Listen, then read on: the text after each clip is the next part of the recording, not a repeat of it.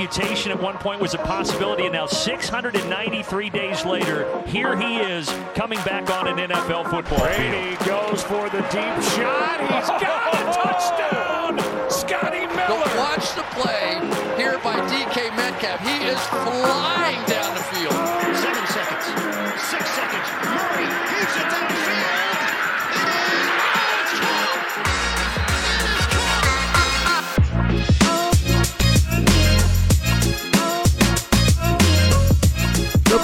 bij weer een nieuwe aflevering van de Sport Amerika NFL podcast.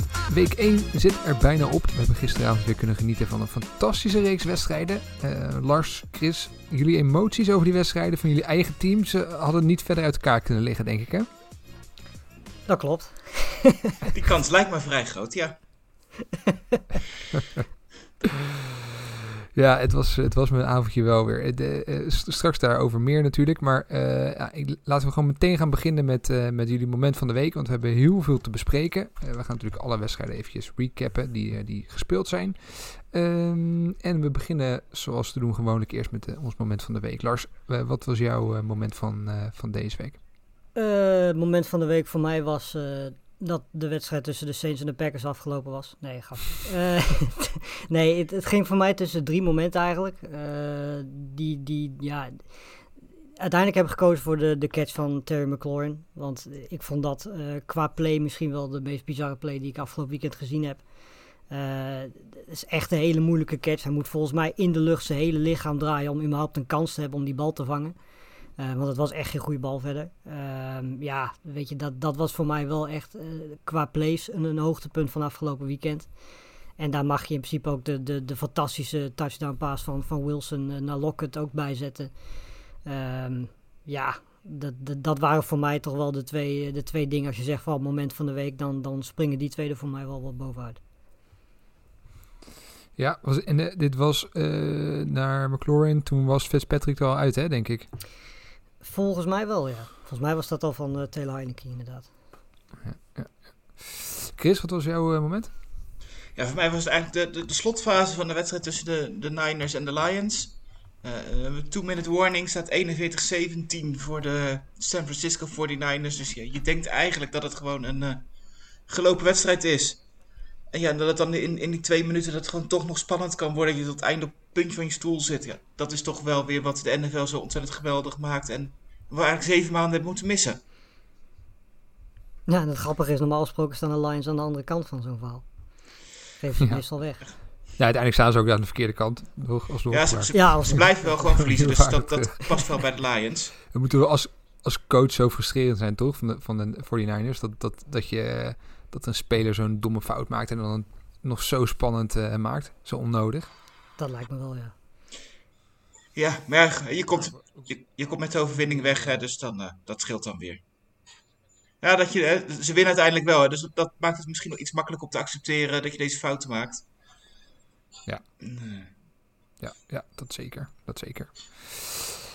Ja, dus straks ook eh, daar meer over. Mijn moment eh, van de week was eigenlijk eh, het moment voorafgaand aan de wedstrijden van, van 7 uur onze tijd. De, het is inmiddels eh, 20 jaar geleden dat 9-11 eh, plaats heeft gevonden. En ze hadden eigenlijk voorafgaand aan de wedstrijden om, om 7 uur Nederlandse tijd een fantastische tribute aan, aan dat moment, verteld door Steve Buscemi.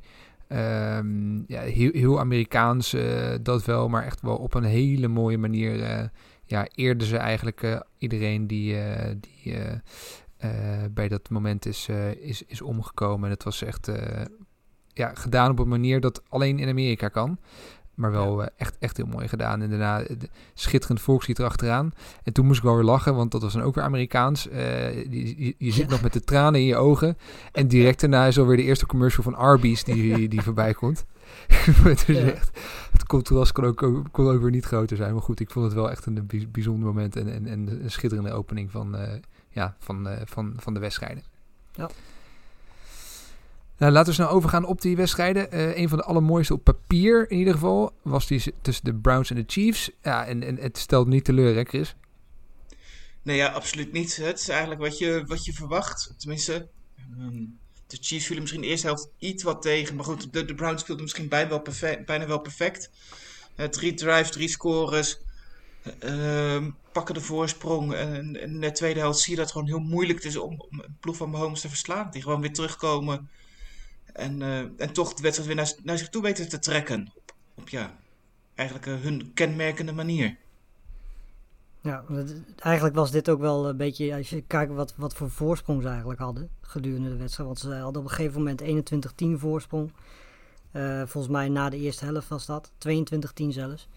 Uh, ja, die, die tweede helft van vooral van Mahomes was weer, was weer fantastisch. Uh, je zag gewoon de eerste helft dat ze nog een beetje in het, in het ritme moesten komen. Ja, je weet van die, die Chiefs defense dat die uh, meestal degelijk genoeg is om ervoor te zorgen dat, dat de offense van de Chiefs meer genoeg kan scoren om te winnen. Um, maar ja, de eerste helft zag het er echt eventjes niet zo heel goed uit. Maar goed, ja, dan zie je ook weer, zeker aan het einde, geven de Browns eigenlijk zelf de wedstrijd nog weg. Hè, ja. we, we, zagen natuurlijk aan het einde die, uh, die mislukte punt van de Browns, waar uiteindelijk een uh, redelijk snel achterna een touchdown uitkwam. Um, nou goed, daarna natuurlijk, die, daarvoor was eigenlijk al die bal van, uh, van Mahomes op Tyreek Hill. Nou, we weten allemaal van de Chiefs dat zij met één play gewoon in één keer ja, een voorsprong van de tegenstander weg kunnen, kunnen halen. Nou, dat hebben ze in dit geval met twee plays gedaan. Um, ja, en dan verlies je uiteindelijk, ondanks dat de Browns nou toch zeker de helft, misschien wel twee derde van de wedstrijd, toch gewoon beter waren dan, dan de Chiefs, verlies je alsnog met uh, 33-29. Ik vond het contrast uiteindelijk wel groot, want de, de Browns waren in de eerste helft uh, fantastisch. Uh, ja. Ik denk nagenoeg perfect. En uh, uiteindelijk hebben ze dan toch in de laatste minuten van de, van de wedstrijd... hebben ze nog drie keer een, een kans om een drive te starten. En resulteert het in, in helemaal niks. En uh, ja, tuurlijk, hè, de, de Chiefs uh, defense is, is, is gewoon uitstekend. En die hebben gewoon goed gekeken naar die eerste helft. Zich hersteld, herpakt. En ja. maken het dan in de tweede helft de Browns ontzettend moeilijk. Maar tegelijkertijd ja, moeten de Browns misschien ook nog echt wel een stapje zetten... om dan dat hoge niveau een hele wedstrijd vol te kunnen houden. Of in ieder geval nog in de slotfase dan nog iets voor elkaar te krijgen. Ja, nou ja, en Mayfield was volgens mij op zich ook gewoon prima. Uh, weet je, bedoel, hij had zeker in de eerste helft hij een paar hele goede drives. Weet je, er staan geen touchdowns achter zijn naam. Maar die drives werden meestal afgemaakt door, door de running backs. Um, ja, Mayfield speelde eigenlijk op die ene interception na speelde hij gewoon een, een foutloze goede wedstrijd. En dat is ook wat, wat de Browns nodig hebben als ze uh, niet alleen met de running game, maar ook in de passing game mee willen komen met, met de Chiefs. Want we wisten van tevoren dat dit een, een, een aanvallende showdown zou worden. Nou, dat werd het ook. En ja, de Browns hebben echt een goede kans gehad om deze wedstrijd te winnen. Um, en die hebben ze laten liggen. En ik, het heeft misschien ook een beetje pech gehad natuurlijk. Hè, want uh, Baker wilde die paas ook helemaal niet gooien. Het was de bedoeling hè, om die bal echt gewoon ruim buiten de lijnen te gooien. Nou ja, dus, ja. Hè, dat hij net geraakt wordt, waardoor hij uit balans is en, en die bal net te kort is. En, en dat valt dan denk ik net even goed in het, in het voordeel van de Chiefs. En het had ook zomaar de andere kant op kunnen vallen in dit duel. Chris, jij, jij volgt de Browns dit seizoen aandachtig. Um, is het het niveau wat je ook van ze verwacht had? Ja, eigenlijk wel, denk ik. Um, een van de redenen dat ik voor de Browns heb gekozen, hè, omdat ik vind dat ze in de het offseason zich enorm goed hebben uh, versterkt. Uh, eigenlijk hun zwakke plekken wat, wat goed opgevuld hebben. Dus ook verdedigend wat sterker zouden moeten worden. En dat ze misschien wel na, uh, na de Chiefs de beste ploeg in de AFC kunnen zijn. En dat ze misschien wel het in zich hebben om de Bills en de Ravens, die vorig seizoen daarboven stonden, in te halen. Nou goed, als je dan inderdaad ziet hoe ze dan de eerste, zeker de eerste helft spelen. Uh, denk ik dat ze inderdaad gewoon echt een goede kans hebben zijn om, om mee te gaan doen om de titel. Ja, Lars uh, Guando vroeg op uh, Twitter: Is Tyron Matthew in de rest van het seizoen onmisbaar voor de Chiefs, denk jij? dat denk ik wel, omdat ik denk dat weet je, de Chiefs zijn sowieso heel erg afhankelijk van, van hun safeties. Want we weten al dat in principe als je kijkt naar de cornerbacks die, die de Chiefs hebben, dat zijn al jaren niet zeg maar de, de Howards en, en, en noem allemaal maar op van die namen. Ze staan nooit in de top 10, 15. Ja, dan heb je wel goede safeties nodig voor het geval dat die cornerbacks verslagen worden. Ja, en Matthews is natuurlijk een van de beste safeties die we hebben in de NFL. Um, dus dat is, dat is zeker iemand die, die, ja, die je niet kan missen in je secondary. Zeker als je weet dat, dat je cornerbacks ja, hooguit van een niveau zijn waarvan je zegt...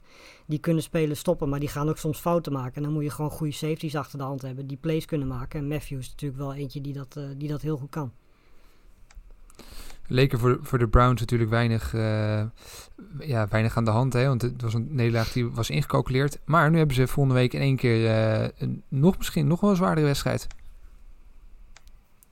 Ja, je, je denkt natuurlijk tegen wie? Te, te, ja, tegen, zeg maar. Te, tegen de Texans. De ongeslagen Texans. Een nieuwe Super Bowl kandidaat. Ja, Ja, eh, je goed, zou zeggen In principe dat, een grote kans om zich te herstellen. Hè? dat, ja, dat lijkt me wel, ja. Laten we het hopen voor ze. In ieder geval een schitterende wedstrijd in Arrowhead. En, en mooi om te zien, hè? de sfeer in het stadion, het publiek wat, wat, er, weer, wat er weer zat. Dat was, dat was wel echt genieten. Maar dat geldt In de voor alle podcast, wedstrijden eh, hoor, dat het weer... In onze podcast-app hadden, hadden we het erover. Hè? Wat, wat is nou de grootste upset van, eh, van het weekend? Nou, een van de twee eh, komt straks nog wel naar voren, Lars, vrees ik. Maar eh, er was ook een andere die toch wel echt opvallend was. En dat was, wel de, dat was de nederlaag van de Bills. Ehm, ja, wa- was het de Steelers defense die het toch weer gedaan kreeg in Buffalo? Eh, ja, in principe, volgens mij was dat wel de grootste, degene wat de doorslag gaf. Want als je zag wat, eh, wat, wat ja, hun quarterback eh, van de, van de Bills aan het doen was. dat was niet de, de, de Allen die we zeg maar vorig jaar gezien hebben. En dat kwam deels natuurlijk omdat het de eerste wedstrijd van het seizoen is. En ik weet niet zeker, ja, volgens mij heeft Allen wel preseason gespeeld. Dus hij heeft al wel wat, wat, wat wedstrijdritme opgedaan. Maar je zag gewoon dat het, ja, dat, zeker aan in de eindfase was het nog niet eh, heel erg denderend. En volgens mij was het met rust ook nog een hele lage score. Eh, iets Ja, wat we bij de 3-0 Bills natuurlijk- of 9-0 of zo. 10-0 of zoiets. ja, precies. I- eh, nou, in principe stonden ze voor, dan nog. Hè. Die Bills defense was, eh, hield ze er op zich ook nog wel in. Ehm, maar ja, zeker in de tweede helft eh, werd die offense van, van Pittsburgh werd ook wakker. Die defense bleef eigenlijk net zo stabiel als dat hij in de eerste helft was. En dat is eigenlijk de enige manier waarop de Steelers van tevoren een kans hadden tegen de Bills. En eh, ja, ze hebben daar uiteindelijk iets wat de Browns niet gedaan hebben, hebben de Steelers wel gedaan. Ze hebben het afgemaakt. En eh, ja, dat, dit, dit is wel echt een hele knappe overwinning. Want uit bij de Bills, een van de beste teams in, in de AFC, zo winnen. Bij een team waar we van tevoren toch zeker aanvallend gezien wel veel vraagtekens hadden, hè, de Steelers. Ehm, ik denk dat dat dan eh, ja, toch wel misschien nog wel een opvallender zeker is dan dat die van de Cardinals eh, bij de Titans die we straks nog gaan bespreken. Ik vind dit dan eigenlijk misschien zelfs nog wel een knappere overwinning. Hebben, de, hebben de Steelers jou ook verrast, Chris? Ja, eh, ja, absoluut. Misschien wel de grootste verrassing ehm, voor mij van het afgelopen weekend. Eh, toch een beetje het gevoel dat ze misschien het hoge niveau van de defensie van vorig jaar niet vol konden houden. En dat ze er ook wel iets minder zouden zijn. En nou goed, aanvallend eh, viel het vorig jaar al aan het eind van het seizoen eigenlijk al een beetje van een cliff af. En waren de laatste vijf wedstrijden echt dramatisch. En meer het gevoel dat ze die lijn door zouden gaan trekken. En Terwijl Buffalo toch inderdaad gewoon de, de, ploeg is die het kampioenschap. Ja, dat, dat verschil zag je eigenlijk absoluut niet meer terug afgelopen, afgelopen weekend. Want eh, ja, de Steelers waren gewoon duidelijk.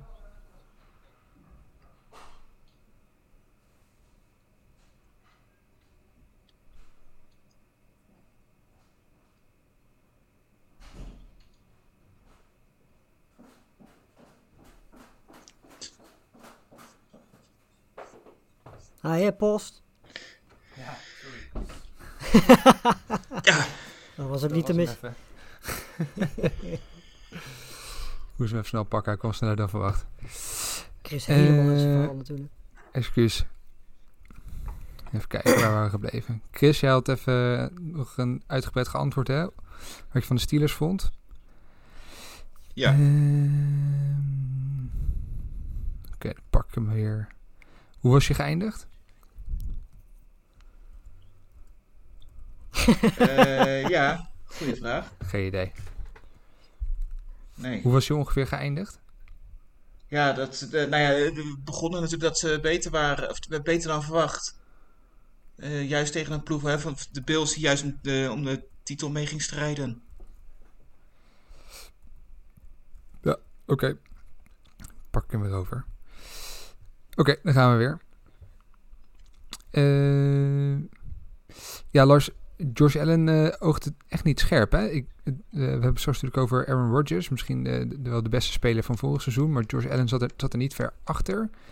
Eh, echt een paar ballen die gewoon overthrown waren. Spelers die dicht bij de endzone echt vrij stonden. Een paar third down plays waar die toch ook niet heel best voor de dag kwam. Ja, is, is, is hij gewoon nog niet scherp? Eh, ik denk dat dat het deels is. Ik denk dat het ook deels gewoon de, de druk die, die Pittsburgh heeft, eh, heeft uitgeoefend op, op, op hè, Allen. Maar ook die secondary van, van, van de Steelers is natuurlijk heel erg goed. Wat er ook voor zorgt dat, ja, dat het veel lastiger is voor je receivers om vrij te komen. En dan moet, dan moet Allen uitblinken. En dat deed hij afgelopen weekend niet. Aan de andere kant, als ja, 30 om 51, 270 yards en een touchdown, als dat ja, het minste is wat, wat Allen dit jaar gaat laten zien. Eh, denk ik dat Buffalo zich wat dat betreft niet zo heel erg veel druk hoeft te maken. En ik denk ook niet dat dit iets is wat we volgend weekend en, en de weken daarna eh, weer gaan zien. Ik denk dat eh, Allen op een gegeven moment echt wel in vorm en in ritme gaat komen. En dat geldt voor die offense. Ehm, alleen ja, afgelopen weekend was het er niet. En dan, ja, dan geef je Pittsburgh een kans. En als het een, een, een wedstrijd wordt waarin de defenses controleren en domineren, dan, ja, dan ben je bij de Steelers natuurlijk wel bij, bij het juiste adres.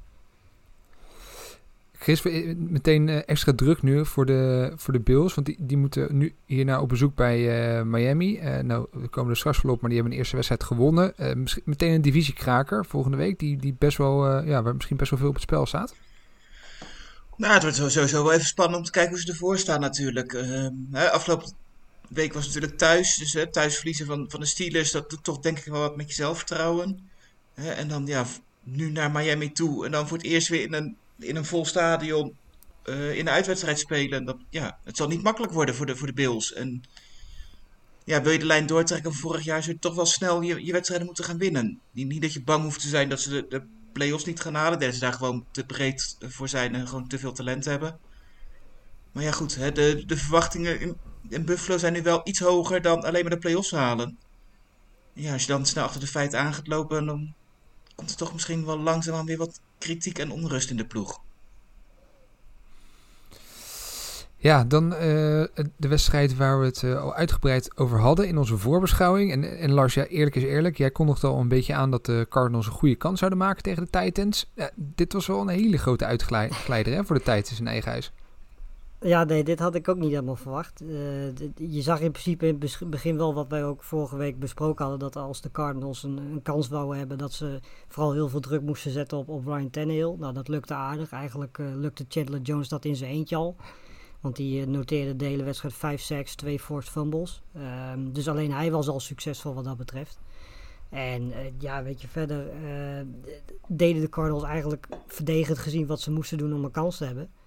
En als je dan aanvallend gezien ook nog eens een keer iemand hebt als Kyler Murray die echt niet te stoppen was op die ene interceptie na het begin van de wedstrijd. Ja, dan, dan maak je gewoon een hele goede kans. En eh, Tennessee heeft eigenlijk eh, vanaf het begin geen schijn van kans gehad. Hij is nooit in het ritme gekomen. Eh Derrick Henry kwam, niet, eh, kwam net boven de 50 yards uit. Nou, dat is echt het, het beste wat je kunt doen tegen Derrick Henry.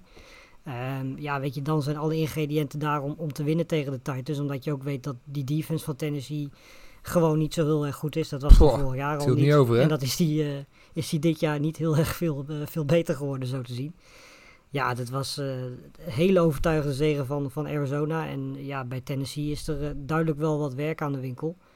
Ehm, ja, pff, ik weet niet eens tegen wie, tegen wie moet Tennessee volgende week. Uit tegen de Seahawks. Ja, dat is Oeh, ja, dat niet is dan per se een hele makkelijke eh, wedstrijd om dan te zeggen, well, dan gaan we ons even herstellen.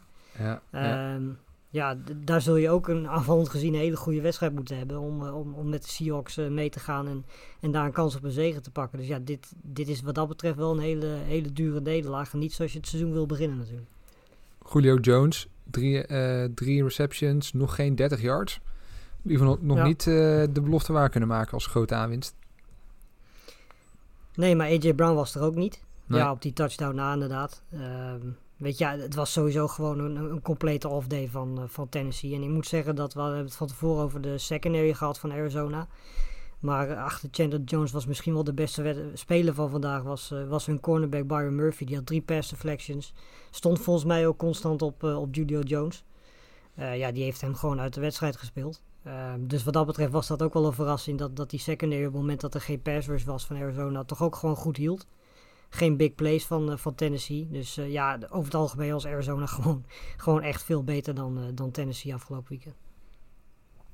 Belooft wel weer wat hè, voor de, de NFC West. Alle vier hebben ze weer gewonnen. Alle vier op hun manier best wel indruk gemaakt, denk ik. Dat wordt, het wordt echt een, wordt echt weer een divisie. Ja. Heerlijk. En eh, een wedstrijd die wel tot het einde spannend bleef, was die tussen de Vikings en de Bengals. Misschien wel een beetje onverwacht. Eh, er was zelfs overtime nodig om een eh, winnaar aan te kunnen wijzen. De, de Vikings schaafden uiteindelijk een beetje weg met een late fumble.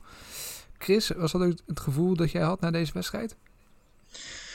Nou ja, ja en nee. Op basis van het reguliere speeltijd. Ik denk dat de Vikings blij mochten zijn dat ze überhaupt een verlenging af is te, te, te dwingen. Ja. Eigenlijk dat de Bengals eh, verrasten mij wel. Ehm, hè, de manier waarop Burrow terugkwam. Hè, de, connectie met Jamar Chase was er. Hè, die eigenlijk eh, ontzettend goed speelde. Hè, wat, ik ook niet helemaal had verwacht. Hè. Ook na zijn persconferentie. eh, waarin hij vrij eerlijk aan had gegeven. Dat het toch wel moe- moeilijk vond om NFL-ballen te vangen. En dat toch wel anders dan college. Nou goed, daar was eigenlijk gisteren vrij weinig van te merken.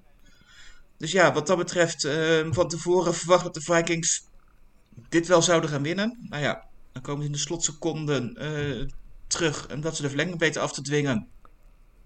Dat was eigenlijk al heel wat. En eh, ja, uiteindelijk aan het eind van de, van de verlenging inderdaad krijgen ze inderdaad de kans. En, Delvin Cook die verliest de bal.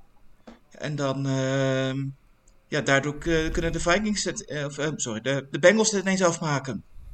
En pakken ze toch nog die overwinning. En ik moet wel zeggen dat ik mij wel erg zorgen ga maken over de Vikings. Dat ik er enorm hoge verwachtingen van had. Maar die, die hebben niet een makkelijk programma komende drie wedstrijden. Dus eh, ik denk dat daar snel onrustig kan gaan worden. Ze, stonden natuurlijk al een beetje bekend als slow starters, maar dat, dat hebben ze er weer kracht bij gezet gisteren. En inderdaad, met die wedstrijden die eraan zitten te komen, ja, dan, zit je, dan ga je wel behoorlijk achter de feiten aanlopen eh, heel het seizoen. Ja, waar ik mij overigens bij, bij de Bengals wel druk om maak, die hebben volgens mij ook afgelopen weekend weer vijf sacks of zo opgegeven. Ja, Ehm, tegen een Minnesota-team dat nou niet echt heel veel fantastische pass rushers heeft. Ehm, ja, dat, dat vind ik dan, weet je, ondanks dat Burrow zelf daar uiteindelijk goed mee omging. 20 om 27, 261 yards, twee touchdowns. Dus die, die leek er niet heel veel last van te hebben. Maar ja, als we weer zo'n seizoen gaan krijgen waarin Burrow straks tegen de teams die een betere pass rush hebben, ja, weer moet rennen voor zijn leven en weer niet de kans gaat krijgen, dan vind ik dat toch wel, wel een dingetje om, om er druk om te maken. En in deze wedstrijd was Joe Mixon natuurlijk fantastisch met 127 rushing yards en een touchdown. Maar er gaan ook wedstrijden zijn dat Mixon eh, niet iemand is die, die ja, op momenten dat Burrow wat onder druk staat, het over kan nemen in de running game. Ja, dan, dan hebben de Bengals wel een, wel een dingetje. Dus die offensive line zal echt wel wat, wat beter moeten presteren dan afgelopen weekend nog. Want tegen de betere pass rushing teams gaat dat wel een, eh, wel een dingetje worden. Nou ja, absoluut. Ik denk dat, ja. Ik denk dat eh, Ja, de keuze van Jamar, eh, van Jamar Chase, dat zie je dus inderdaad nu eh, hè, zijn vruchten af, afwerpt. Maar goed, hè. ik denk dat het wel alleen een gerechtvaardigde keuze is als Burrow het hele seizoen heel blijft. Want eh, als hij weer tegen een blessure aanloopt door de offensive line, dan kunnen we toch wel concluderen dat het gewoon eh, een foute keuze is geweest. Hoe goed Chase het ook doet. Dat ligt niet aan hem, maar gewoon wat ze nodig hebben. En dat Burrow gewoon beschermd moet worden en dat dat niet gebeurt. Ja, en tegelijkertijd hangt het natuurlijk ook maar vanaf eh of het een foute keuze is geweest. Wat, eh, wat er gaat gebeuren met de carrière van Penay Sewell. Eh, want die valt er nu toe in Chicago, Chicago in Detroit behoorlijk tegen. Ehm, dus ja, het- het- ze hadden natuurlijk, er was de verwachting dat ze hem zouden draften in, met, met hun, met hun eerste draftpick. Kozen voor Jamar Chase. Ehm, maar ja, Sewell heeft nog geen onuitwisbare indruk achtergemaakt, achtergelaten in, in zijn eerste maanden in, in Detroit. Ik vond hem gisteren wel, wel goed Ja. spelen eigenlijk. eh, tegen Boza. Ja, Dat dus ziet- gisteren hebben, ze, dat- hebben ze hem als left tackle volgens mij ingezet. En volgens mij ging dat wat Ja. beter dan, eh, dan aan de rechterkant waar hij in het preseason speelde. Dus misschien dat hij er ook doorheen koopt. Dat komt, laat, laten we het hopen. Ja, hij, hij speelde ook links in, eh, in college. Dus dat, dat zou inderdaad heel goed kunnen dat hij zich daar Ja, wat een comfortabeler natuurlijke positie. Ja, ja. Ja. Ja, Lars, helaas, ik kan er niks aan doen. We mo- moeten het toch echt even over de, de Packers en de Saints hebben. Eh, de Saints eh, speelden thuis in Jacksonville. Eh, dat, dat bleek een uitstekende match. De, de Packers hadden geen schijn van kans. Ja, wat, wat- ja, wat was er aan de hand, Lars? Eh, ja, goede vraag. Als, als ik het wist en als hun het wisten, dan hadden ze er waarschijnlijk wel iets aan gedaan. Het was, eh, eigenlijk was, was ja, het hoogtepunt van de Packers was de nieuwe punten. Die, die speelden wel aardig. Maar daar heb je het dan ook wel mee gehad. Het was echt, eh, ja, niks ging goed. Er was totaal geen running game. Volgens mij kwamen ze net boven de 40 rushing yards uit. Aaron Jones was helemaal nergens. Die had in totaal 5 carries, 9 eh, rushing yards. Dat komt natuurlijk ook omdat hè, het wedstrijdverloop niet in het voordeel was. Eh, Aaron Rodgers was, was dramatisch. Eh, twee interceptions gegooid. Zeker die tweede, dat was echt. Nou, dat heb ik Rodgers niet heel erg vaak zien doen, zo'n bal gooien. Ehm, Hij had een lagere, la- had een lagere Ja. eh, passer rating dan als hij alle ballen gewoon in de grond had gegooid de hele middag. Ja, Nee, dat is, dat is echt niet best. Dat, ik kan me ook, het is echt heel lang geleden dat ik de Packers zo'n zo'n slechte wedstrijd heb zien spelen als, uh, als afgelopen weekend. En dat komt natuurlijk ook door de Saints. Want, we kunnen wel zeggen, de Packers waren slecht. Maar uh, de Saints, ja, weet je, verdedigend gezien, hun secondary speelde fantastisch. Uh, we hebben Adams amper tot niet gezien. En alle andere receivers, die waren er überhaupt niet. Uh, werden gewoon heel goed verdedigd. Daardoor moest Rodgers ook uit de pocket gaan, omdat het te lang duurde voordat ze openkwamen. Um, ja, de defensive line was fantastisch. Um, en ja, aanvallend gezien, weet je, ze kregen heel vaak de bal op hele gunstige posities. Want de Packers kregen in principe aan het eind van de eerste, het midden van de eerste helft, geloof ik, met een, een zeven, nee, begin tweede, tweede, even kijken, begin derde kwart, met, uh, volgens mij was het toen 17-3. Toen had Rodgers de bal in de buurt van, van de endzone. En ja, dat werd vervolgens een interception. En paar minuten daarna scoorden de Saints. Ja, toen was de wedstrijd eigenlijk wel afgelopen. Toen volgde er nog een interception van, uh, van Rodgers. Um, maar ja, weet je, Winston die, die profiteerde gewoon van de fouten die, die de Packers maakten. Die ging 14 om 20, 148 yards en 5 touchdowns. Ja, weet je, en, en de running game deed... Ja, precies. En de running game deed de rest. Uh, Camara had 83 uh, rushing yards. Zelfs Winston konden we niet tegenhouden. Uh, die had ook nog 40 rushing yards. Ja. Dus ja, weet je, het was van alle kanten was het uh, een vrij dramatische wedstrijd. Uh, maar goed, als je dan zo'n dramatische wedstrijd uh, kunt hebben, dan kun je dat beter maar in de eerste wedstrijd doen. Dan laten we hopen dat het vanaf volgende week ja, toch een beetje in een stijgende lijn in gaat zitten. Want op deze manier wordt het toch wel een beetje een, een pijnlijk verhaal als het zo doorgaat. Ik denk de, dat de je Saints misschien wel de grote verrassing van deze eerste speelronde. Want natuurlijk, de, de Packers uh, gaven niet thuis. Maar de Saints, waar, waarvan we eigenlijk niet echt wisten waar ze stonden... staan uh, gewoon uitstekend te spelen gisteren. Ja, dat, dat sowieso. Hè. Nou, denk ik natuurlijk wel. Dat, we hebben het al vaker denk ik gezegd. Dat je moet afwachten welke Winston je krijgt. Hè, zoals hij inderdaad gisteren speelde. Dat we misschien niet verwacht. Hè. Vijf touchdowns. Dat kan die wel. Maar dat zonder intercepties, dat is misschien wel de grootste verrassing. Uh, ja, en daarbuiten ze hadden natuurlijk een enorme brede en getalenteerde ploeg. En daar hebben ze wel wat van in moeten leveren voor alle salary cap problemen. Maar goed, uiteindelijk blijft er nog steeds wel behoorlijk wat kwaliteit over. En ik heb ze van tevoren eigenlijk al wel gezegd dat ik, het wel, dat ik ze wel de play-offs zie halen. En ja, wat dat betreft denk ik dat ze dat gisteren ook hebben laten zien. Alhoewel, Enerzijds natuurlijk... salary cap uh, problemen. Anderzijds hebben ze toch weer geld gevonden hoe ze het doen. Ik heb echt geen flauw idee, maar om uh, Marshall, Marshall Lattimore te verlengen. Vijf jaar, uh, 97 miljoen dollar. wordt volgens mij een van de duurste of de duurste corners in, in, in de NFL. Ja, daarmee heb, hebben ze gewoon meteen ook een, een, hun eigenlijk alle drie hun sterren hè, die, die ze wilden verlengen dit offseason. Namelijk Camara, uh, Ryan Ramchick en, uh, en Marshall Lattimore gewoon weten te verlengen. Het, het is echt ongelooflijk. Ja. ja, nee, weet je, Lattimore is natuurlijk een van die leiders van, van die secondary. En uh, ja, weet je, ik denk dat we hebben voor afgelopen weekend gezien, die, die secondary is echt wel een hele goeie. dat hebben we ook de afgelopen jaren al wel gezien. Maar ja, afgelopen weekend tegen de Packers waren zij echt heel erg goed. En uh, weet je, ja, de Saints gaan gewoon zeg maar in, in die groep zitten die gaat strijden voor, voor wildcard plekken. En, en ja, ik denk dat wat dat betreft, weet je, het is natuurlijk heel makkelijk om nu, nu na één week te zeggen, oh, de Packers zijn, zijn matig en de Saints zijn echt, echt wel een kans hebben om achter de Buccaneers uh, tweede te eindigen en in de wildcard plek te komen. Ik denk dat de Saints ook wel heel lang mee zullen doen. Um, maar ja, weet je, je gaat ook wedstrijden van Winston krijgen dat je denkt van waar zit ik naar te kijken. Dat was afgelopen weekend niet het geval. Um, maar dat, ja, weet je, dat soort wedstrijden gaan, gaan er echt wel komen. En ja, uit tegen Carolina volgende week misschien nog niet. Ik hoop voor jou, Toon, dat dat wel zo is. Maar, Toon? Um, Toon is er niet, hè? Ton, sorry. ja, nee. Ton, inderdaad. En dan daarna, weet je, ja, bij de Patriots zou het wel kunnen. Dat is wel echt precies zo'n wedstrijd waar hij natuurlijk in één keer drie, vier interceptions zou kunnen gooien. Um, maar goed, ja, weet je, als hij, net zoals we bij Fitzpatrick zeiden bij, bij, bij Washington voetbalteam, als hij meer wedstrijden goed kan spelen dan dat hij niet goed speelt, ja, dan heeft zijn team een hele goede kans om, uh, om de play-offs te halen. Ik, had, ik keek wel uh, in eerste instantie wel uit naar uh, week 2 met, met, met de Saints op bezoek. Omdat ik voorafgaand van het seizoen dacht dat de Saints echt wel een stapje achteruit ja. zouden zetten. Ja, ik ben nu toch wel iets meer gespannen voor, de, voor die pot. Ik denk dat het heel erg lastig kan geworden. Uh, zeker ja. Brad, Bradley Roby krijgen ze er ook nog bij hè, als corner. Die mag vanaf volgende week weer uh, beginnen. Dus wordt die secondary nog beter. Ja, dat, dan staat er toch weer een aardig team uh, op het veld. Ja. Eh, Chris, we nog heel veel terug naar donderdagnacht. De kick-off van het NFL-seizoen tussen de Cowboys en, en de Bucks. En, ja, een, een, fantastische wedstrijd om mee te beginnen het seizoen. Het is weer een paar dagen geleden, maar wat, wat is jou het meest bijgebleven van die wedstrijd?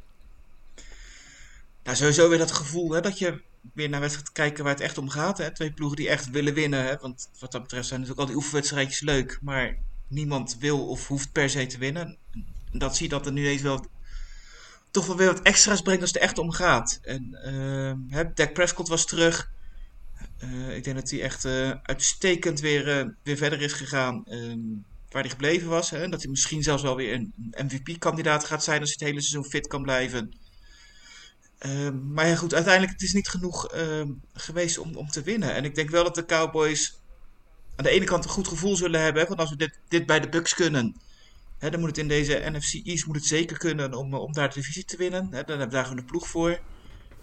Maar ja, als ze aan het eind van het seizoen een wedstrijdje tekort komen voor een goede uh, seed of playoff plek, ja, dan zullen we wel terugkijken naar deze wedstrijd. Want uh, eigenlijk hoor je hem toch gewoon te winnen als je vier turnovers afdwingt.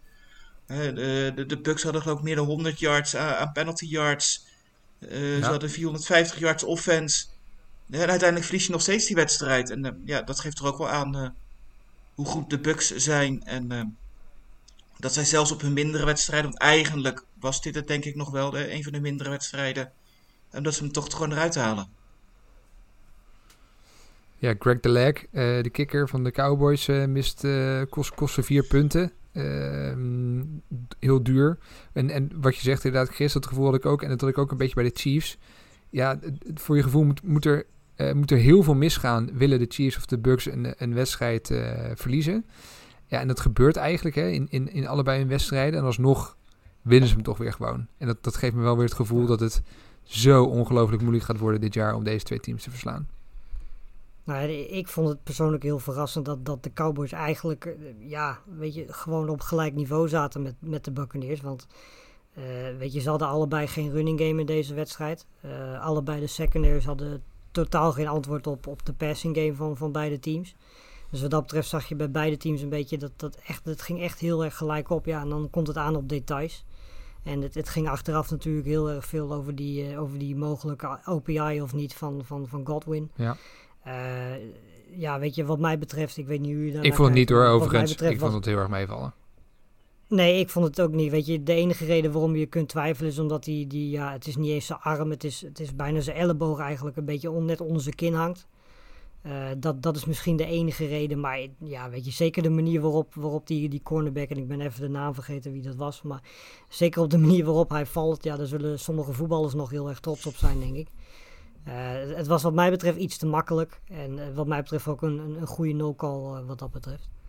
Ja, vind ik ook. ik denk dat je op, op zo'n moment dat je niet de beslissing moet nemen als scheidsrechter om daar de, de aandacht op je te willen vestigen. En dat je gewoon terecht is inderdaad. Het contact was minimaal. En hij, hij, probeerde te verkopen en het lukt niet. En, een goede hij extendt zijn, zijn uh, armen ook niet. Hè? Dus hij, uh, je ziet inderdaad dat hij wel een, een, klein duwtje geeft. Maar als je echt een forse duw geeft, dan, dan, ja, dan strek je eigenlijk heel je, uh, je armen helemaal. Dat, dat, dat deed hij volgens mij gewoon niet. Nee. Dus nou goed, de terechte call dan in ieder geval volgens ons. de, de Bucks winnen gewoon. de Chiefs ook. de blijven gewoon weer. de favorieten blijven in ieder geval uh, ongeschonden in, uh, in week 1. Um, kort nog even langs een paar andere wedstrijden die gespeeld werden. Ja, de, de 49ers die maakt het wel heel spannend nog, hè, Detroit uh, gisteravond, gister, gisteravond. Ja, dat was. nou, we hebben het net al een klein beetje erover gehad natuurlijk. Ze stonden volgens mij met twee minuten te gaan 41, 3, 41 17 voor, geloof ik. Ja. Ja, nou, dan heb je vervolgens heb je die, die touchdown van, van Jamal Williams. Uh, daarna de onside, eh, een two-point conversion eerst nog, dan de onside kick die ze, die ze recoveren. Dan vervolgens uh, gooit, uh, nou ja, 40 seconden later met nog 1 minuut te gaan, scoort, gooit Goff een, een touchdown. Dan staat in één keer 41-31, komt er nog een two-point conversion bij. Dus dan is het in één keer van 41-17 naar 41-33 gegaan. Um, ja, en dan krijgen ze vervolgens, volgens mij, daarna was er nog een, een fumble van volgens mij Debo Samuel was dat. Ja, ja terwijl die volgens mij de, de first down al had. Ja, precies. En dan krijgen de Lions dus vervolgens gewoon nog een kans om ook gelijk te spelen. Uiteindelijk lukt dat dan niet. Maar het is eigenlijk al ja, te, te, wonderbaarlijk voor woorden eigenlijk dat, dat de Lions nog een kans kregen om die wedstrijd te winnen. Want eigenlijk had, denk ik, met het begin van het vierde kwart toen de 49ers scoorden, iedereen wel het idee van nou, dit is wel afgelopen. En misschien al wel eerder zelfs.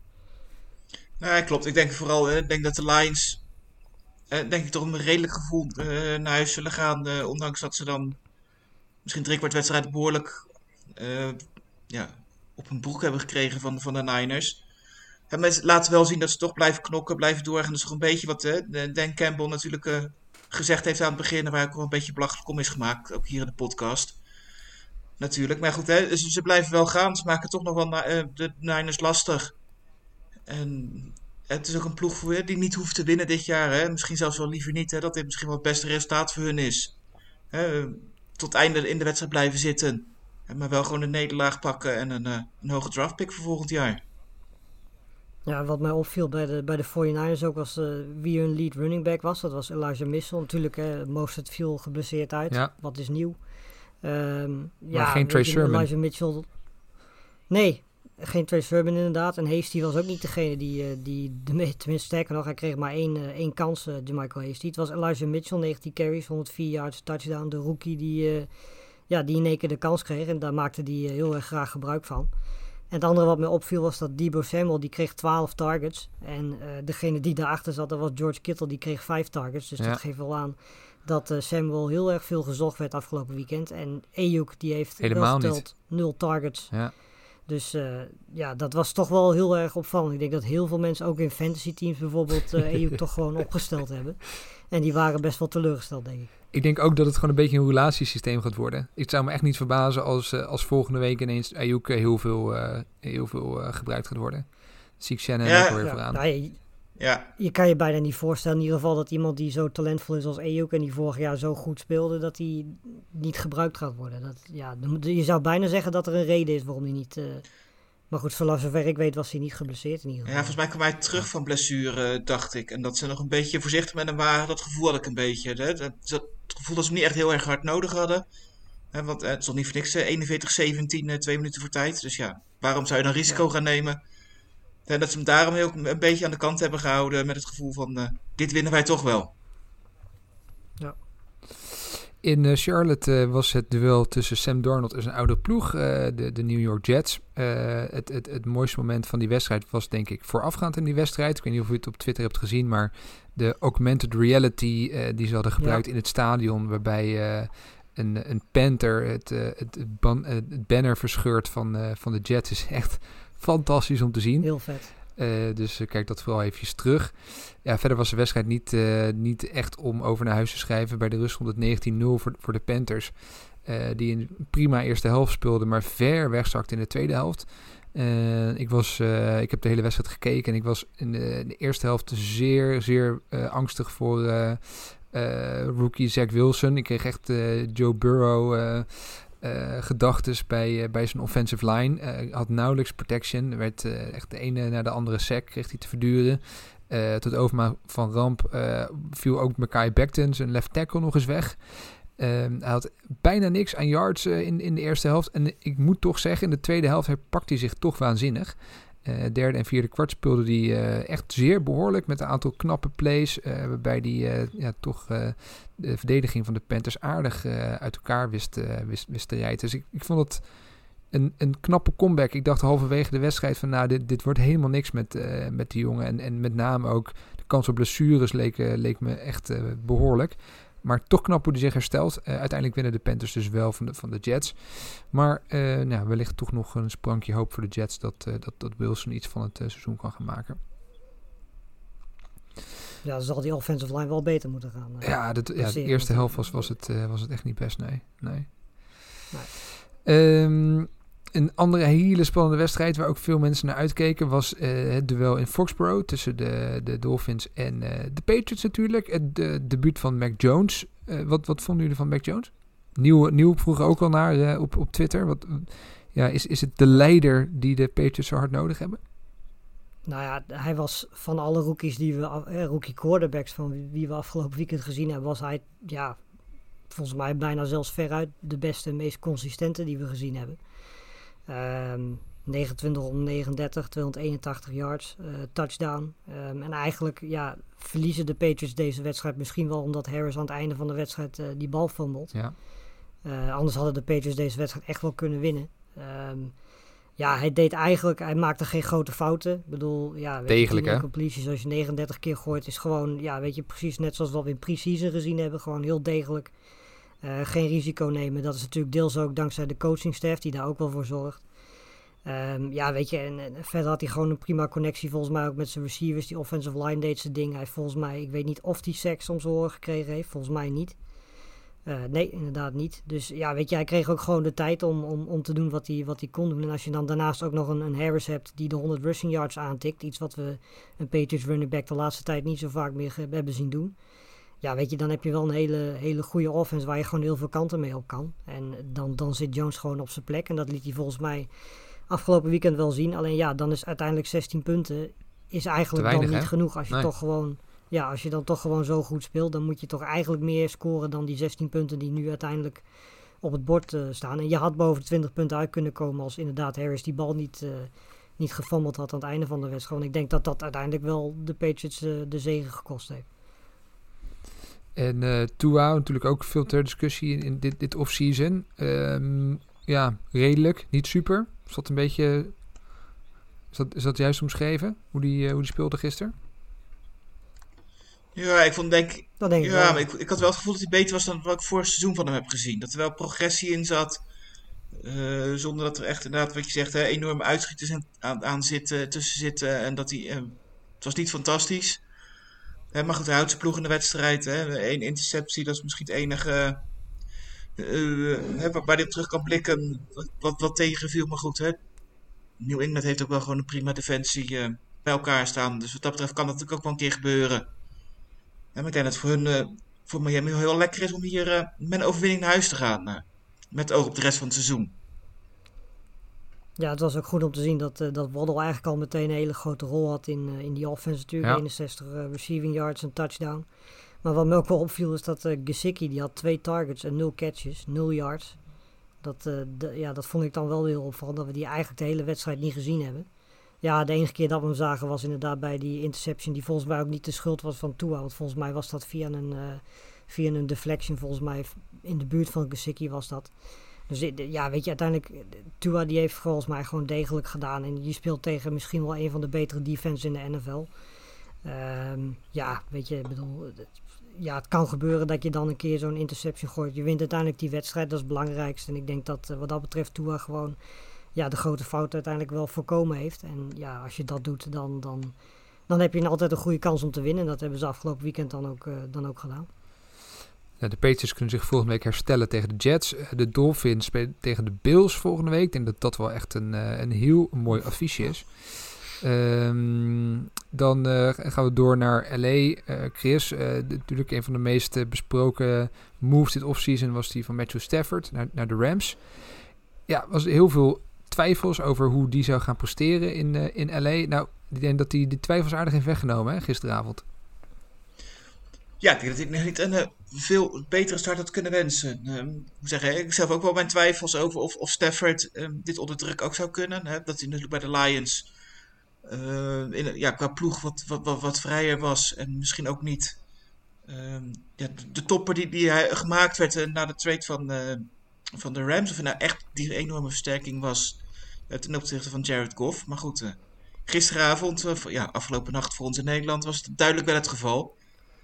En eh, ja, de, de aanval zag er echt eh, ontzettend sterk uit. En in deze vorm zijn de Rams voor mij wel de absolute favoriet in die toch wel hele sterke NFC West. Zeker gezien de, de combinatie tussen de aanval en de verdediging die ze gewoon nog steeds hebben. Het is wel echt, echt een heel compleet team geworden. En, en beter dan ik had verwacht eh, vooraf aan de afgaande deze wedstrijd. Ja, dit, dit- is nu eigenlijk gewoon het team wat we vorig jaar hadden, maar dan met een goede quarterback. Ehm, ja, weet je, die defense is natuurlijk nog steeds gewoon heel erg goed. En eh, ja, weet je, dat is iets wat Stafford ook al heel lang niet meer heeft, eh, heeft gehad. En daarnaast, ja, weet je, hij speelde afgelopen, afgelopen nacht gewoon echt, echt foutloos. Heel erg goed tegen een hele goede defense. Die offensive line was ook heel erg goed. Gaf, geen ja, gaf één sack weg, geloof ik. Nou ja, goed, weet je, tegen, tegen die frontlinie uh, is dat natuurlijk niet zo heel gek dat je een keertje eentje weggeeft. Um, maar over het algemeen, ja, weet, kreeg Stafford gewoon de tijd. En daarnaast heeft hij natuurlijk ja, heel veel wapens om zich heen. Hij heeft een goede coachingstaff om zich heen. De, de, enige zorg voor mij is nog steeds de running game. En Henderson was afgelopen nacht, zeker aan het einde van de wedstrijd, toen, hè, toen aan het einde van de wedstrijd de, de klok een beetje uitgerend moest worden. Toen, toen begon het eigenlijk een beetje te lopen. Daarvoor was het nog niet zo soepel. Um, maar dat, dat is eigenlijk mijn, mijn enige zorg bij dit team. En verder, ja, verder zijn de Rams gewoon een heel compleet team. Die zeker aanvallend gezien uh, meer dan genoeg wapens hebben om, om, om hier een heel mooi seizoen van te maken. En daar zijn ze afgelopen nachten heel goed mee begonnen. Voor de goede orde, uh, ze speelden tegen de Bears uh, gisteravond. Um, Zrin ja. vroeger naar Lars. De, wat, wat vonden jullie van het per play gebruiken van Trey Lance en Justin Fields, hè, de, de rookie quarterbacks, die niet mochten starten als quarterback, maar wel af en toe werden ingezet? Ja, is dat nou een toevoeging ja. of heb je liever gewoon een, een steady quarterback of, of moeten ze gewoon eigenlijk starten? Ja, nee, ik, ik heb er in principe geen problemen mee. Weet je, het risico natuurlijk is wel... Uh, je hebt natuurlijk bij die teams twee quarterbacks waar je niet heel erg graag mee rent. Dat zijn Dalton en, en Garoppolo. Terwijl Lance en Fields twee jongens zijn die je wel op die manier kunt gebruiken. Uh, nou deed Fields dat natuurlijk afgelopen nacht met die rushing touchdown. Uh, Lance deed dat vooral met zijn arm. Ja, weet je, ik zou, weet je als, het, als het lukt... en in het geval van Lance en Fields lukte het allebei afgelopen nacht... En, en, en, gisteravond, ja, weet je, ik zou niet weten waarom je het dan niet zou doen. Uh, daarnaast, elke ervaring op het veld die ze mee kunnen pakken, is, is volgens mij mooi meegenomen. Uh, ja, weet je, ik, ik heb niet per se het probleem ermee. Het enige gevaar is natuurlijk wel dat een Lens of een Fields op zo'n play geblesseerd kan raken. Ja, weet je, als, je dat, als, als dat gebeurt, dan, dan ben je natuurlijk wel mooi klaar. Maar goed, ja, weet je, dan, dan ja.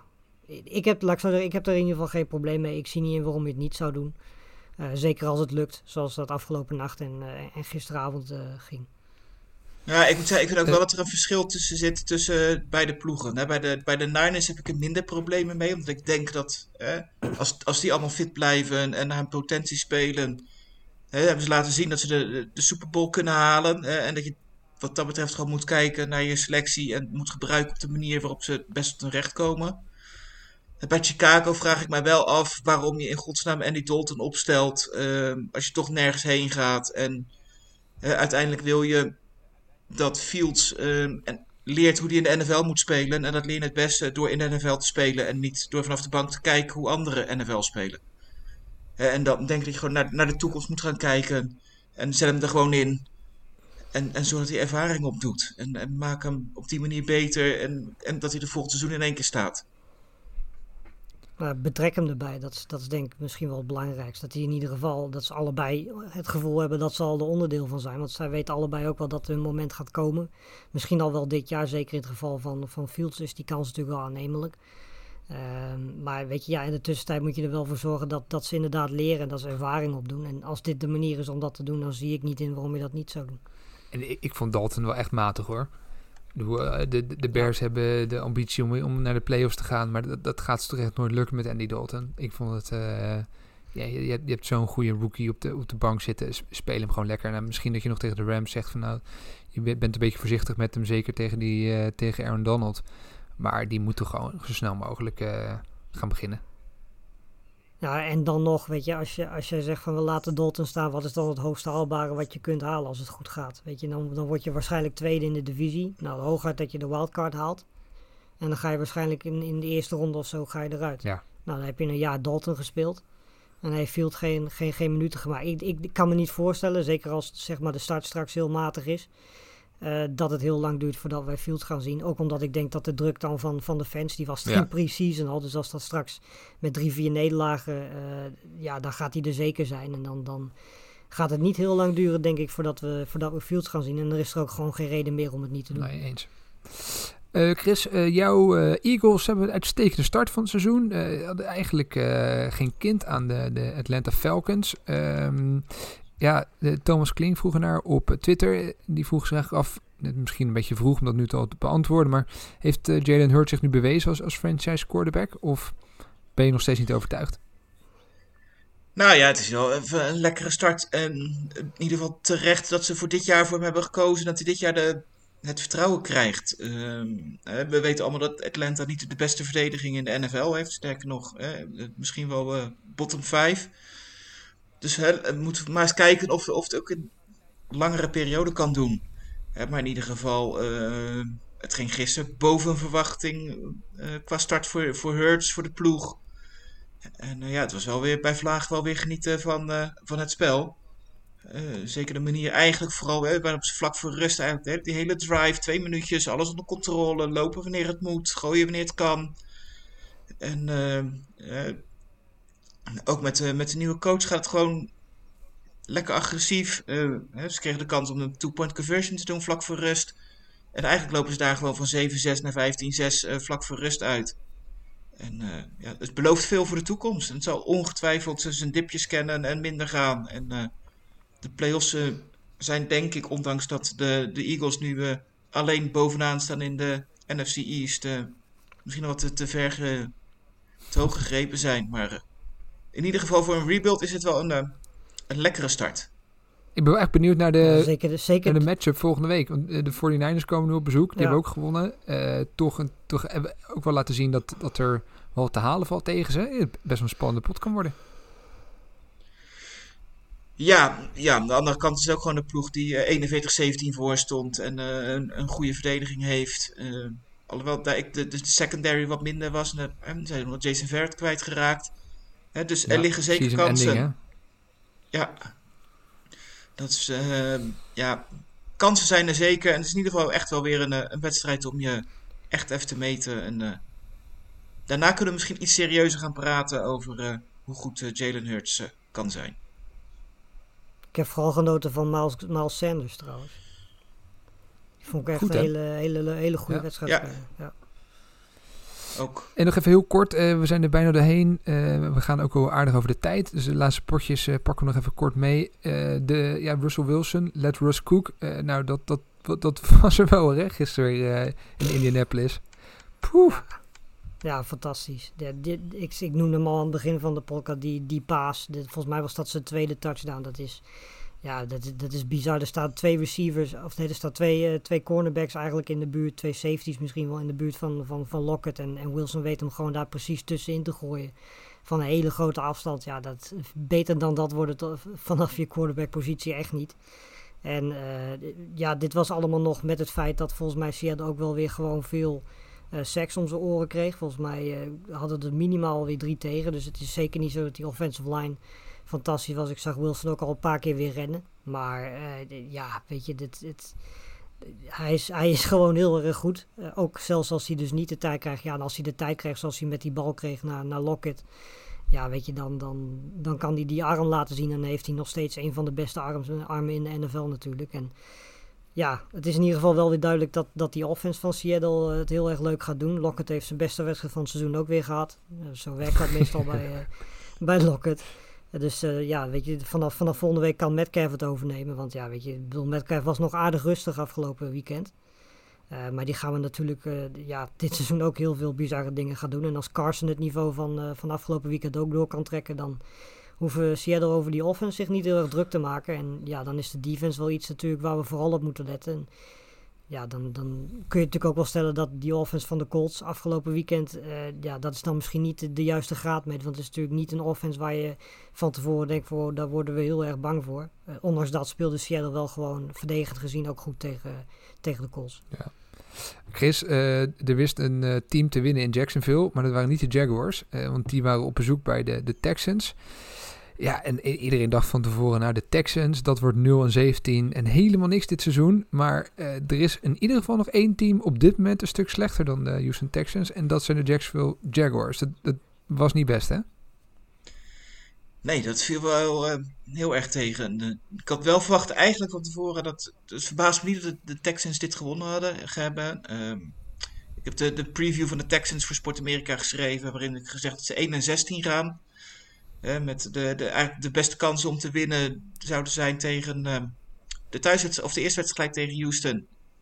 En dan... eh, of eh, tegen de, de Jaguars. En misschien twee wedstrijden tegen de Colts als de, als de daar geblesseerd is. En, en dat ze de rest eigenlijk vrij kansloos zullen zijn. Ehm, dus wat dat betreft, die verwachting is er denk ik nog steeds wel. Maar goed, wat ze in Jacksonville aan het doen zijn, dat, eh, daar zou ik me wel zorgen om gaan maken. Als dit je eerste wedstrijd van je nieuwe coach is en je eigenlijk tegen de slechtste ploeg speelt en, en het een beetje een aanzien kan geven de twee laatste touchdowns te scoren, dan eh, is het wel echt heel erg. En, eh, Trevor Lawrence viel misschien wel tegen. Drie intercepties die ja, toch wel duidelijk fouten van hem waren, vond ik, wat ik gezien heb. Dus ja, eh, een hoop werk aan de winkel daar. Ja, volgens mij, ik zie alleen al, al bij Chark staan 12 targets, eh drie catches. Eh, volgens mij waren er, van wat ik zo las, ook heel veel receivers die die ballen gewoon niet vingen, terwijl die wel vangbaar waren. En dat het eigenlijk pas aan het einde, met die touchdowns van Chark en van Jones, eh, eigenlijk pas een keer een beetje, een beetje goed ging. Ehm, dus eh, inderdaad, die, die drie intercepties waren zeker de fout van Lawrence. Was een beetje up en down, want hij had ook zeker wel zijn, zijn goede momenten. 332 yards, drie touchdowns. Er waren ook momenten dat die offensive line er niet zo fantastisch uitzag. Ehm, maar ja, ik denk dat iedereen toch wel wat meer van Jacksonville had verwacht dan, dan nu. En er is ook weer gedoe buiten het veld Ja. over Urban Meyer. Dat hij ja, zich een beetje gefrustreerd is over bepaalde dingen. Dus ja, het is natuurlijk sowieso, hè, ik bedoel, hij komt uit college, dat is natuurlijk een compleet andere wereld dan, eh, dan de NFL. Hij is daar andere dingen gewend en dit is ja, zijn eerste baan in, in de NFL. Ehm, ja, en dan, dan kan er natuurlijk inderdaad qua aanpak ook dingen zijn die misschien bij, bij, bij de Jaguars niet zo goed vallen. En er zijn dingen die misschien hij gewend is vanuit college die hij niet in de NFL kan doen. Ehm, ja, de vraag is of hij zich daaraan kan aanpassen of dat dat heel snel fout gaat en uiteindelijk explodeert achter de schermen. Ja, dan, dan kan het nog wel eens een, eh, niet alleen op het veld, maar ook buiten het veld een, vrij dramatisch eh, seizoen worden in Jacksonville. Ik vond inderdaad een schil contrast tussen de Jets en de, en, de Jaguars. Beide verliezen natuurlijk. Maar inderdaad, in, in, in, in Jacksonville is meteen hommeles. Terwijl wat ik van de Jets wel knap vond. En van eh, ook, eh, moet ik toch credits geven aan Robert Sala, de, de, de, de nieuwe hoofdcoach. Ja, dat ze in het eerste, e- eerste helft eigenlijk volledig worden weggespeeld. En dan toch met zo'n zwakke selectie zich uitstekend weten te herstellen. eh, zich defensief echt oprichten. Ja. En dan toch een, een- gewoon een prima tweede helft spelen. En zelfs nog kans maken om de wedstrijd te winnen. Ja, dat, dat, dat, dat oogt wat eh, stabieler dan, eh, dan wat de, ja, het team van, van Urban Meyer liet zien gisteren. Ik zou zeggen, wat, wat de Jaguars stonden 34-7 Ja, achter op een gegeven moment tegen de Texans. Tegen de Texans, ja, hè? dat- ja, dat is niet best. Goed, nou ja, misschien vergissen we ons allemaal de hè? dat kan ook. Eh, hey, we hebben nog twee, twee eh, wedstrijden te gaan. En dat zijn twee eh, wedstrijden van teams die we ook wat meer nog in, in het vizier hebben. Lars, jij volgt het Washington voetbalteam nauwlettend. Ja, tegenvallen, hè? niet alleen een nederlaag, maar ook Fitzpatrick kwijt. Ja, ja, nou ja, dat is eh, natuurlijk van tevoren hadden we het daarover. Fitzpatrick die, die kan iets geven aan het team wat ze, wat ze eigenlijk misten bijvoorbeeld vorig jaar. Ehm, ja, weet je, in principe zagen we gewoon het Washington wat we de afgelopen seizoen ook gezien hebben. Weer een hele goede defense. Eh, zeker Sweat was heel erg goed, geloof ik, met twee, tech- met twee, eh, twee sacks onder meer. Ze deden wat ze konden doen om Herbert zo, zo oncomfortabel mogelijk eruit te laten zien. Hij had één matige paas eigenlijk, Herbert. Maar verder, ja, deed, maakt het hem volgens mij niet zo heel erg veel uit wat, eh, wat Washington deed. Want in principe speelde hij ook gewoon weer een goede wedstrijd. Maar ja, weet je, Washington deed wat dat betreft verdedigend gezien wat ze konden. Alleen ja, aanvallend gezien eh, was het gewoon net niet goed genoeg om uiteindelijk een, eh, een zege op te pikken. En ja, ik moet zeggen dat Heineke trouwens niet eens zo heel matig inviel. 11 van 15, 122 yards en een touchdown. Ehm, en ja, McLaurin en Gibson die speelden ook degelijk. Alleen ja, het was gewoon net niet genoeg. En het, het, het scheelde heel weinig. We- Van tevoren was dit ook een van de moeilijkste wedstrijden om, om uit te kiezen wie hier zou winnen. En dat was eigenlijk gedurende de wedstrijd wel eh, ja, heel lang onduidelijk. En uiteindelijk aan het einde ja, trekt trekt de, Chargers hem dan over de streep. En het is een hele knappe zege voor de Chargers. En ja, voor Washington geeft het alleen maar aan, zeker nu Fitzpatrick weg is, dat, ja, dat ondanks dat de wapens er zijn, het nog wel veel werk aan de winkel is om die offense ook daadwerkelijk succesvol te maken. De Chargers winnen een close game. Dat, dat is ook wel iets... iets Dat is inderdaad ook eh, een grote stap vooruit. Ja, tot slot nog de Broncos op bezoek bij de Giants. Eh, de Broncos volg ik eh, nauwlettend. Ehm belangrijke, belangrijke is overwinning voor de Giants. Eh, of sorry, voor de Giants, voor de Broncos. Ehm, ja, en, en Teddy Bridgewater, hij maakte echt best wel indruk, vond ik. Eh, 28 uit, 6 uit 36, eh, 264 yards, twee touchdowns, geen interceptions. Uitstekende passer rating. Ehm, eh, maar behalve dat vond ik ook dat hij gewoon uitstekend op het veld stond. Hij had een paar schitterende plays, vooral op fourth down.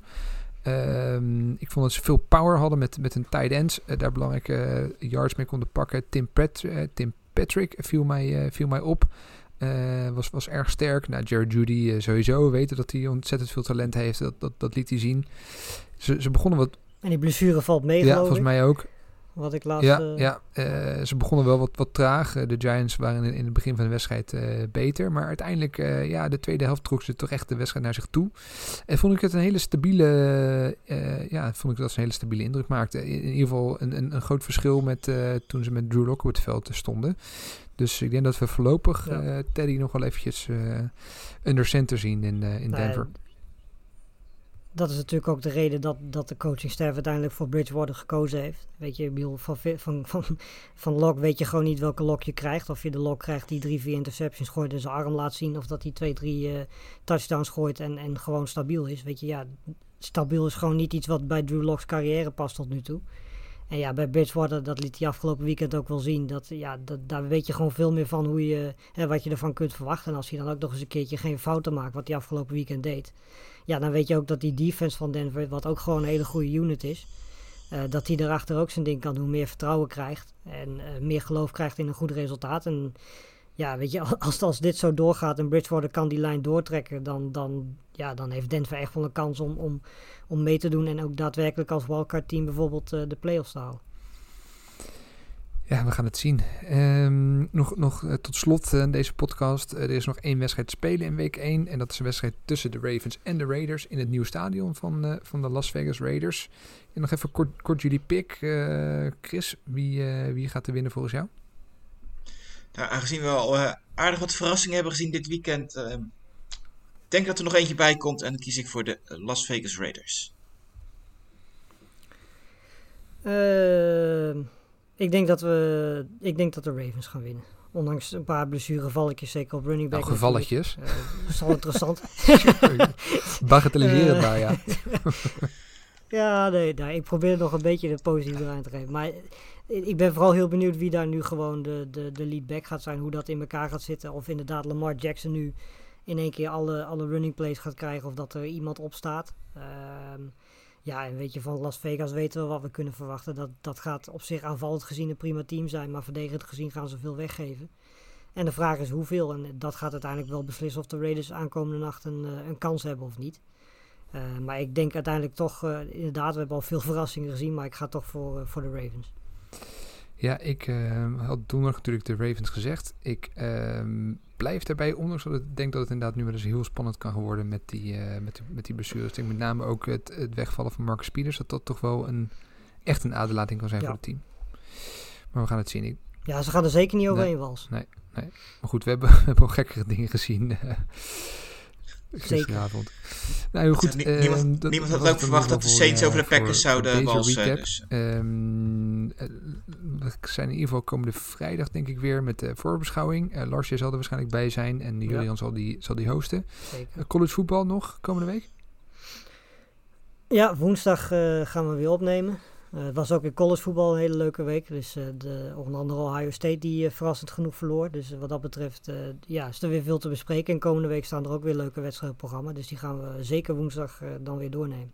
Top, mooi. Nou, dan zijn wij de volgende week weer met de recap van week 2. De kop is eraf. Eh, we hebben een schitterende week 1 gezien. En eh kijken we uit naar volgende week. Jullie hiervoor bedankt en eh spreken elkaar snel. Yes. Yes. Jo. Bye bye.